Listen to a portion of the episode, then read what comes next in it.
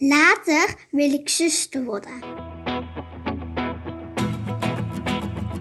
Hoi, ik uh, ben Manon. Ik werk in het ETZ en uh, ik doe samen met Sabine uh, het project Verpleegkundige Impact in de Praktijk. Ja, en ik ben dus Sabine en inderdaad samen gaan wij de komende tijd in gesprek met de verpleegkundigen die zich hebben aangemeld met hun verbeteridee. En dat gaat heel erg leuk worden, want je gaat volledig geïnspireerd worden hoe je je eigen praktijk kunt veranderen en verbeteren.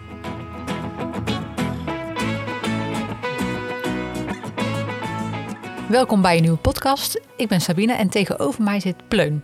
Pleun, kun jij je eens voorstellen?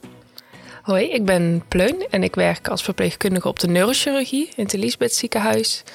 Uh, als verpleegkundige en ik heb daar samen met uh, collega's het hele mooie project Zie mij opgestart. Ja, leuk Pleun. We spraken elkaar eerder en toen hadden we het over dit project. En toen dachten we eigenlijk is het heel leuk om hier nog een keer wat dieper op in te gaan. Uh, dus vandaar dat we deze podcast opnemen samen. Mm -hmm. Kun jij eens vertellen hoe je erbij bent gekomen om dit project op te starten? Ja, uh, in het ziekenhuis werk je sommige afdelingen met werk als waarde. En dat focust zich heel erg, dat geeft teamleiders, als ik het zo goed kan zeggen, uh, hulpmiddelen om met hun medewerkers in gesprek te gaan. Uh, in kleine groepjes over wat ze heel belangrijk vinden in het werk. en hoe ze daarop aan kunnen sluiten.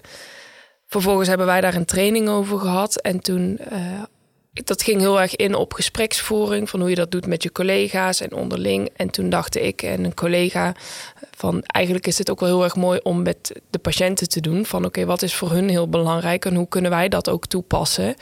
Um, dus echt gericht op de patiënt. Zo is dat balletje een beetje gaan rollen van oké, kunnen we daar een werkgroep op inzetten? Hoe ga je dat een invulling geven? Want het is natuurlijk ook wel een beetje vaag. En toen is dit uh, project ontstaan en stap voor stap zijn we naar uitgekomen op waar we nu staan. En uh, is er ook meer aandacht vanuit andere afdelingen. Dat is wel heel erg leuk, want het wordt steeds groter. Ja, want je zegt waar we nu staan. Waar staan jullie nu? Wat doen jullie nu precies? Hoe ziet dat eruit? Op dit moment uh, is CMI een werkgroep die gewoon echt wel goed bezig is op de afdeling. Um, waarin wij eigenlijk kijken, CMI is een werkgroep waarin we dus kijken van wat is belangrijk voor de patiënt en hoe passen wij dit toe uh, op de afdeling. Dus hoe kunnen wij zorgen dat wat voor jou als patiënt belangrijk is, dat we uh, dat tijdens jouw opname kunnen gebruiken om de opname makkelijker te laten verlopen voor jou? Of hè, kunnen we kijken van als je dadelijk weer naar huis gaat, hoe kun je dat wat belangrijk is weer mee oppassen, zodat het gewoon meer persoonsgericht is? Ik denk dat ze op heel veel afdelingen dat soort gesprekvoering al wel doen. Ik denk dat er in ons aard als verpleegkundige zit om dat soort gesprekvoering te doen met de patiënt. Want je wilt toch een persoonlijk, hè, persoonlijke ja. zorg kunnen bieden. Alleen hoe zorg je nou echt dat dat wat jij bespreekt met de patiënt, dat jouw volgende collega dat ook weet, daar weer op door kan pakken. En waar wij nu staan is dat wij zorgen, we hebben een manier gecreëerd dat het um, goed gerapporteerd wordt. Bij een opnamegesprek, een zorggesprek, ontslaggesprek. We hebben verloopopname, zodat het heel duidelijk genoteerd staat wat voor die patiënt belangrijk is, wat daarbij al ingezet is. En dan wordt het echt als rode draad door de opname gebruikt. Wat mooi. Ja. Wat mooi. En dat dus dat betekent eigenlijk dat je als verpleegkundige wat meer focus krijgt op dat je dit echt, uh, dat je dit ook echt stelt, die vraag. En dat je ja. ook echt even de tijd gaat nemen om uh, dat persoonlijk ook mee te nemen. Ja, zeker. Ja, het geeft handvaten en uh, dat je ook door kan pakken. Het is zo jammer als jij een supermooi gesprek hebt gehad met de patiënt, dat dat dan verloren gaat. En dat iets wat al bereikt is, dat de volgende verpleegkundige dat weer opnieuw moet gaan bereiken. Terwijl die basis is er al. Hoe leuk is het als je dan, hè, als een patiënt zegt, ja, voor mij is religie heel erg belangrijk. En uh, ja, hier komt dat door. En hè, er zit een heel verhaal achter vaak. Dat dan een collega van de volgende dienst of van de volgende dag zegt van... hé, hey, goh, hè, en ik begrijp dat u gelovig bent. En hoe helpt dat u dan tijdens opname? Kunnen we daar iets in betekenen? Dan voelt de patiënt zich echt gezien. Ja, vandaar ook de naam Zie je mij. Ja, dus dat is een beetje het idee. Ja, dat is natuurlijk hartstikke mooi, want ieder mens wil uiteindelijk gezien en gehoord worden. En vooral als, uh, ja, maar ja, weet je, als je, als je ziek wordt inderdaad, dan ga je er toch anders, ga je er anders in staan, stel je andere vragen naar jezelf. En dan juist is het misschien wel heel belangrijk dat iemand jou ook als persoon ziet en niet als Ehm, nou ja, de patiënt met een hersentumor die uh, opdracht 3 is na zijn operatie of iets dergelijks. Hè? Mhm. Ehm, en hoe reageren patiënten hierop? Vanuit twee kanten eigenlijk. Ehm, hè, bij ons is het doel dat er bij een opnamegesprek al gevraagd wordt. Wij hebben zo'n heel riedeltje van waarvoor ben je opgenomen, wat zijn je klachten, gebruik je bloedverdunners, naar alle standaard opnamegesprekken. Het is een chirurgische afdeling, dus dat moet allemaal gedocumenteerd worden. En dan op een gegeven moment komt de vraag van, goh meneer ehm, of mevrouw, wat vindt u nou heel belangrijk? Hè, wat is voor u in het dagelijks leven belangrijk? Eh, je merkt dat uh, patiënten daar vaak even over na moeten denken. Dat is natuurlijk helemaal prima. En dan heb je eigenlijk vaak twee soorten reacties. De een zegt van ja, maar ik wil gewoon dat de tumor weggehaald wordt. Ja, dat is natuurlijk doel één. Maar wat is persoonlijk heel belangrijk? Dus het, hè, je moet collega's ook wel trainen om daarin de juiste vragen te stellen. Uh, en als je op een gegeven moment die laag dieper gaat, dan reageren patiënten er eigenlijk heel erg goed op. En die vinden dat heel erg prettig en dat geven ze dan ook wel heel vaak terug. Ja, ik kan me ook voorstellen dat het soms ook een beetje een zelfbescherming is om, om niet zo diep uh, uh, die vraag naar jezelf toe te stellen, omdat je, je wordt er ook kwetsbaar van natuurlijk. Hè? Ja. Uh, je gaat je echt afvragen van wat is nu belangrijk. En als je zulke spannende tijd hebt, dan ja, ik kan me ook voorstellen dat het emoties teweeg brengt of iets dergelijks. Ja, confronterend misschien. Ja, ja. En sommige patiënten die staan er ook niet voor open. En dat is natuurlijk ook prima. Ja, je hoeft ook niet uh, alles bloot te geven als je dat niet wil natuurlijk. Nee. Hey, en um, het is wel een heel mooi concept. Uh, want ik vind, het, ik vind het fantastisch hoe je dit hebt opgepakt... en hoe je daar zelf eigenlijk de, de lead in hebt genomen... en hebt gedacht van... hé, hey, maar dit is eigenlijk iets wat we voor patiënten moeten doen. Uh, hoe, hoe reageerden jouw collega's hierop? Hoe heb je ze meegekregen? Wisselend. Uh, en ik denk omdat het vooral in het begin nog heel erg vaag is. je, benoemt tegen je collega's, we hebben op een gegeven moment een klein groepje opgesteld, gewoon de werkgroep. Uh, nou, dan ga je een beetje een plan opstellen van oké, maar hoe willen we dat dan invulling geven en hoe gaan we dan zorgen dat de rode draad wordt? Nou ja, toen zijn we tot de conclusie gekomen van oké, we gaan dus het opname, het zorg en het ontslaggesprek gaan aanpassen. Uh, daar gaan we vragen inzetten. Um, om zo collega's eigenlijk ja, te dwingen is een beetje een moeilijk woord, maar uh, eigenlijk wel gewoon te dwingen om die vragen te gaan stellen. Wij hebben toen besloten van oké, we gaan het wel kaderen uh, op dit moment bij patiënten, patiënten die minimaal vijf dagen liggen. Um, dus dat zijn inderdaad de hersentumoren, maar ook mensen die hoger in de nek een operatie krijgen. Dan heb je gewoon iets langer de tijd om daar ook echt op te focussen. En dan ga je met collega's in gesprek door middel van kennisdeelmomenten van oké, we hebben dit aangepast. Hoe kan je dat aanpakken? En hoe collega's daar dan vervolgens op reageren. Um, ik denk dat tijd een heel groot punt is geweest. Van ja, maar we hebben het al zo druk. Weet je, als we dan ook nog zulke vragen moeten stellen, dat is natuurlijk best wel wat. Dat kan best nog wel zorgen dat het ja, tijd gaat kosten. Dus daar ga je dan op insteken van hè, maar wat kan het je ook opleveren? Um, dus langzaamaan gingen collega's daar wel echt steeds meer in mee. En zagen ze ook wel echt het voordeel ervan. Um, en we hebben gewoon, we hebben tot nu toe nog steeds elke twee weken hebben we een kennisdeelmoment waarin we met collega's in gesprek gaan van hebben jullie mooie voorbeelden om ook wel uh, het onderwerp warm te houden op de afdeling, maar ook de positieve ervaringen te delen van um, wat ze hebben meegemaakt met patiënten en wat het dan opgeleverd heeft. Want het brengt ons natuurlijk ook heel veel. Ja, want daar ben ik dan wel heel nieuwsgierig naar. Van wat, wat zijn dat dan voor voorbeelden wat het jullie oplevert? Of wat zijn mooie voorbeelden om dan eens te noemen? Eén voorbeeld wat ik altijd wel mooi vind om te noemen, dat is van een collega geweest die het ook mee opgezet uh, had. Die had een patiënt en die, dat was een jonge jongen en die werd geopereerd. En die was in zijn voorgeschiedenis bekend met uh, PTSS, ADD, ja, best wel psychische uh, bagage had hij bij. En die jongen die was daardoor vrij gestrest. Nou, dan kom je natuurlijk op een afdeling in het ziekenhuis. Nou, helemaal uit je routine. Dat wordt natuurlijk nog tien keer erger. En die jongen die gaf aan, ja, ik rook thuis wiet. Um, en daar word ik rustig van. Nou, dat mag natuurlijk niet op een afdeling. En die mocht ook de afdeling niet af. Uh, want die kon niet naar buiten met, na de operatie. Oké, die jongen die was heel gestrest. Die belde heel veel. Nou ja, dat mag natuurlijk. Maar dat kost natuurlijk ons ook wel heel veel tijd. Um, en op een gegeven moment ging die collega nadenken: oké, maar wat kan ik voor deze jongen betekenen? Voor hem is het heel belangrijk om inderdaad wel dat rustmoment te vinden. Dus die heeft in overleg met uh, um, artsen, apotheek, kijken wat kan met medicatie, hebben ze besloten om de jongen spacecake te geven op de afdeling. Ehm, wat natuurlijk een beetje bizar is als je daar thuis dan aan de eettafel vertelt van ik heb vandaag mijn patiënt spacecake gegeven. Om, maar dat hielp wel. En die jongen die is de rest van de opname rustig geweest, die was weer kalm, die was weer uh, makkelijk coöperatief. Nou is natuurlijk niet het doel dat je patiënten inderdaad spacecake gegeven zodat ze rustig worden, maar voor hem hielp dat wel heel erg. En dat sloot wel heel erg aan bij zijn behoeftes en belangen. Ja, en het is, een, het is voor hem een manier om om te gaan met die, met die posttraumatische stress uh, en al die dingen die hij heeft. Dus het is ja. eigenlijk heel gek dat in zo'n stressvol moment dat dan ineens wegvalt. Dan, ja. ja, maar het levert ons dus als verpleegkundige ook wel wat op. Ja, ja, ja. Je, je leert dus ook hoe mensen in het dagelijks leven uh, zichzelf redden uh, en omgaan met, met problemen of stress of iets dergelijks. Ja. Is dat ook een beetje wat je eruit haalt? Ja, ik denk deels wel. Hè. Vaak als je kijkt naar wat vind je zelf belangrijk in het leven, dan heeft dat natuurlijk ook wat te maken met hoe ga je om met dingen. Een coping, denk ik. Um, dus ja, ik denk dat dat wel een belangrijk gespreksonderwerp is. En dat, dat dat wel iets is waar je dan bespreekt met de patiënten. Dat haal je er wel uit. Ja. ja.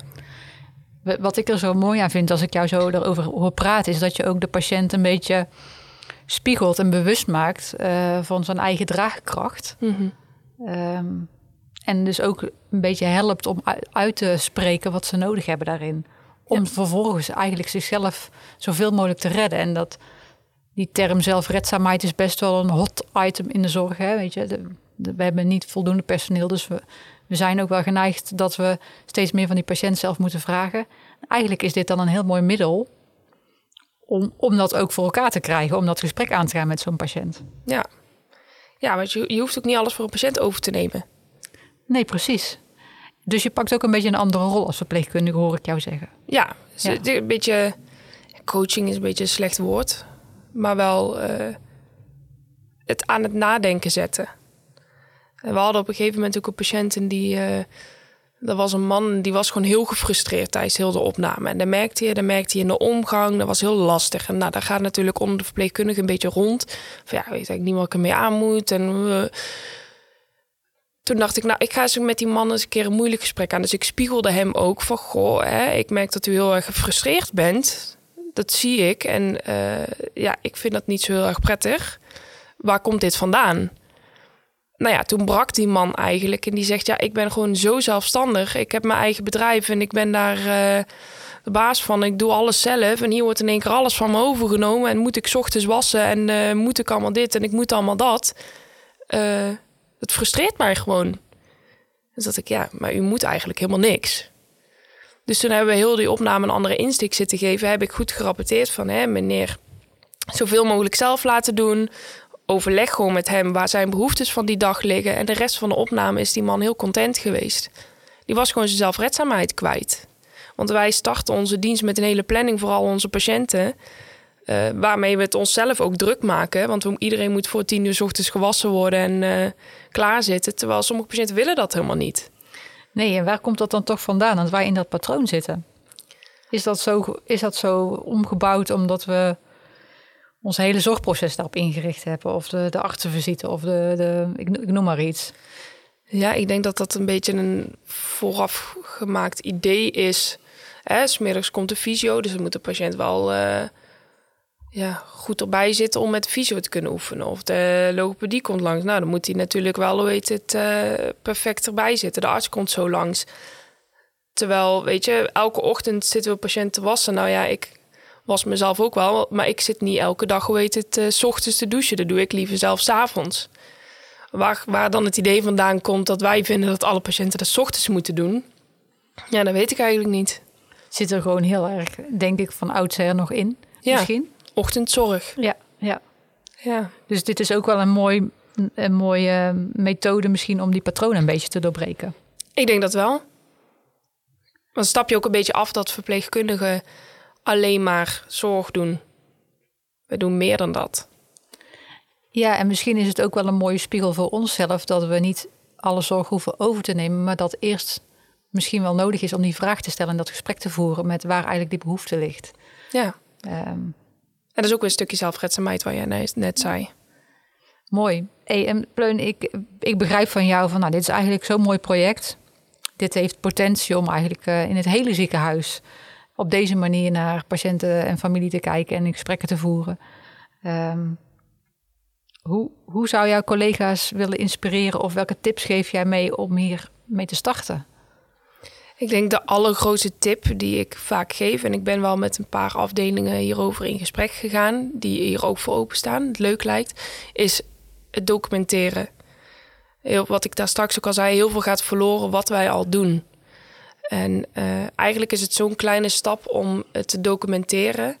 Um, binnen elke afdeling in het ziekenhuis is er nog anders. Er is niet één lijn uh, hoe dit allemaal gedaan wordt. Sommige afdelingen doen geen zorggesprekken. Nou, misschien past het ook niet binnen die afdeling. Um, maar dat is wel een heel belangrijk hulpmiddel. Um, dus ja, wij hebben die drie verschillende gespreksmomenten met patiënten die we ook documenteren. Uh, wij documenteren verloopopname. Um, zodat je gelijk in het overzicht van de patiënt ziet uh, hè, waarom is iemand opgenomen, wat zijn voorgeschiedenis, maar ook van zie je mij, wat is belangrijk voor iemand. Dat is echt de grootste tip. Documenteer het en gebruik daar vaste smart phrases voor. Um, nou ja, wij hebben die natuurlijk al opgesteld. Die zouden bij elke afdeling een beetje aangepast moeten worden, zodat het aansluit bij die afdeling. Maar dat is echt de allergrootste tip. Ja, en Het, het, is eigenlijk ook bijna een soort van uh, samen beslismoment. Uh, waarin je samen met de patiënt afstemt hoe zij die zorg eigenlijk willen zien en wat voor hun ook belangrijk is in de zorg. Naar aanleiding van hun eigen wensen en behoeften, hoor ik jou eigenlijk zeggen. Ja, en ook welke disciplines zet je in? Ja, ja.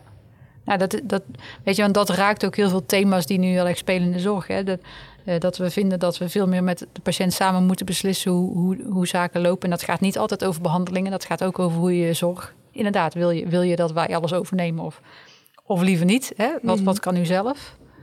Ja. Um, en we kennen ook advanced care planning, maar dat gaat vooral vaak over uh, een palliatieve fase. Uh, maar terecht zei jij uh, voordat we deze podcast starten, ja, waar, waarom zou je dat pas bespreekbaar maken als, uh, als je zo ziek bent of als het zo uitzichtloos wordt dat behandeling niet meer mogelijk is? Wanneer is, het dan pas belangrijk om dit te bespreken? Ja, ja en het, hè, dat komt ook wel een beetje overeen met wij krijgen toevallig zo vaak patiënten die zeggen: Ja, ik ben net met pensioen en ik wilde net alles gaan aanpakken wat ik nog wilde gaan doen. Heb ik in één keer een hersentumor. En dat zie je echt best wel vaak dat mensen dan met pensioen gaan en in één keer uh, zijn ze ongeneeslijk ziek. En dan is het zo jammer dat ze dan eigenlijk pas gaan nadenken over: ja, maar wat willen ze nou eigenlijk echt? En een ziekenhuisopname is een moment waarin je vaak ziet dat patiënten stilstaan en even gaan nadenken over de situatie waar ze in zitten. En waarin patiënten ook al heel mooie gesprekken met verpleegkundigen voeren. Ik vind het altijd heel bijzonder dat een patiënt zo open durft te zijn tegen een verpleegkundige. Je, kent mij helemaal niet, maar toch durf je dat gesprek met mij aan te gaan. Uh, hoe mooi is het dat we patiënten dan al aan het denken kunnen zetten over wat vind je nou belangrijk en hoe wil je nou hierna weer gaan aanpakken. Dat hoeft niet pas als iemand palliatief is. Nee, juist niet. Het is juist zo essentieel als je, als je nog uh, je gezondheid hebt. Uh, of, of een korte behandeling nodig hebt of iets dergelijks. Dat je dan juist ook kijkt van hoe kan ik dat ook behouden? Ja. Hoe kan ik goed voor mezelf zorgen? Ja. En ik geloof er ook echt wel in, uh, als we dan een beetje managementkant gaan kijken, dat opnames korter zullen duren op het moment dat de patiënt meer zelfredzaam is. Uh, van tevoren al een plan heeft van hoe wil ik thuis dingen gaan oppakken. Um, dus daar geloof ik ook wel in. Ik geloof erin dat de druk op de verpleegkundige lager wordt op het moment dat je meer aan gaat sluiten bij de patiënt. Ook al voelt het een stap. Uh, als in het kost mij meer tijd om met die patiënt in gesprek te gaan en om dit te achterhalen. Maar dat hoeft niet per se. Het kan je ook heel veel tijd opleveren. Dus ook vanuit uh, afdelingsbreed managementkant denk ik ook dat het gewoon heel veel op kan leveren. Ja, en eigenlijk hoor ik jou zeggen, je gaat gewoon anders met je tijd om. Ja. In plaats van dat je eerst de zaken overneemt en het niet bespreekbaar uh, maakt, ga je nu eerst in gesprek. En dat lijkt dan meer tijd te vragen. Maar het is eigenlijk andere tijd die ja. je dan anders indeelt. Ja. ja. En vind je het leuker? Is het, is het leuker? Is het, um, maakt het je vak waardevoller als je op deze manier met patiënten om kan gaan? Ja, voor mij wel. Ik merk dat de laatste tijd, in ieder geval bij onze afdeling, maar ik hoor het ook van de andere afdelingen, dat de werkdruk gewoon eigenlijk steeds hoger wordt. Mensen die blijven steeds langer in het ziekenhuis omdat de doorloop naar andere ziekenhuizen of naar vervolginstellingen, het, blijft, ja, het loopt allemaal vast. Waardoor de werkdruk gewoon echt wel hoger wordt.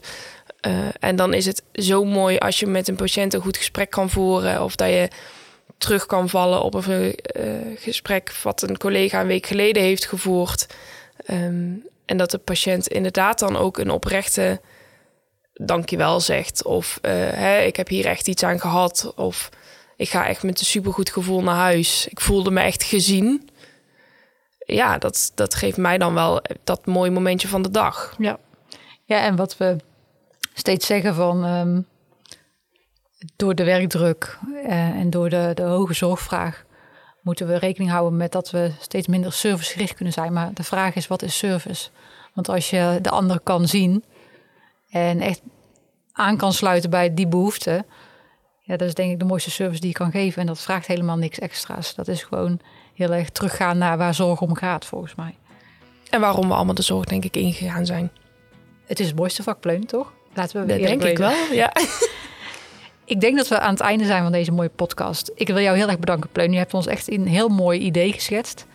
Uh, als collega's uh, geïnspireerd raken, mogen ze jou bellen? Absoluut. Okay. Wil ik graag helpen. Gaan we dat doen. Dankjewel. Tot de volgende. Jullie bedankt. Wil je nou getipt worden voor de volgende podcast van deze serie? Vink dan het belletje aan onder het logo. En dan krijg je een tip als de volgende podcast online staat. Tot de volgende.